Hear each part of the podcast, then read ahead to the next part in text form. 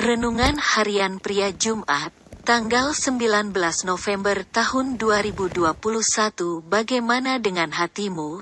Matius 13 ayat 8 Dan sebagian jatuh di tanah yang baik lalu berbuah, ada yang seratus kali lipat. Ada yang 60 kali lipat, ada yang 30 kali lipat. Setelah Yesus keluar dari rumah ibadat, ia pergi dan duduk ke tepi danau. Karena orang banyak yang mengikutinya, Yesus naik ke perahu dan mengajar orang banyak dengan perumpamaan. Dalam perumpamaan yang Yesus ceritakan, ada empat jenis tanah yang ditaburi benih oleh si penabur. Ada baiknya kita membaca secara lengkap kisah perumpamaan ini di Matius 13 ayat 1 sampai 23 agar kita dapat mengerti dengan jelas. Jenis tanah yang pertama adalah tanah pinggir jalan yang mendengar firman Tuhan tetapi tidak mengertinya. Jenis tanah yang kedua adalah tanah yang banyak batunya yaitu orang yang mendengar firman Tuhan.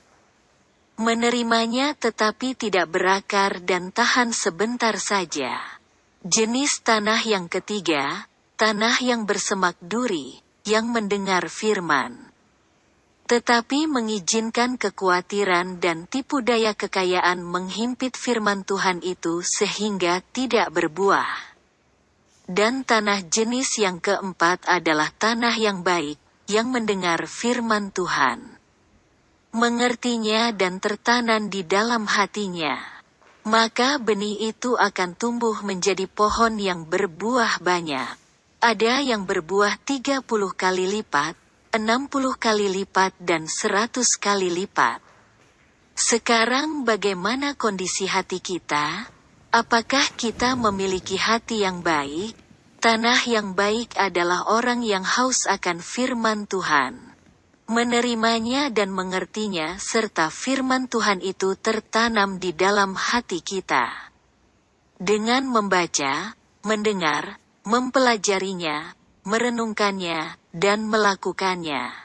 Kita sedang menyimpan firman Tuhan di dalam hati kita. Dan pasti kehidupan kita berbuah banyak bagi Tuhan. Refleksi diri, apa yang firman Tuhan katakan kepada Anda? Bagaimana kehidupan Anda dengan firman Tuhan itu? Catat komitmen Anda terhadap firman Tuhan itu.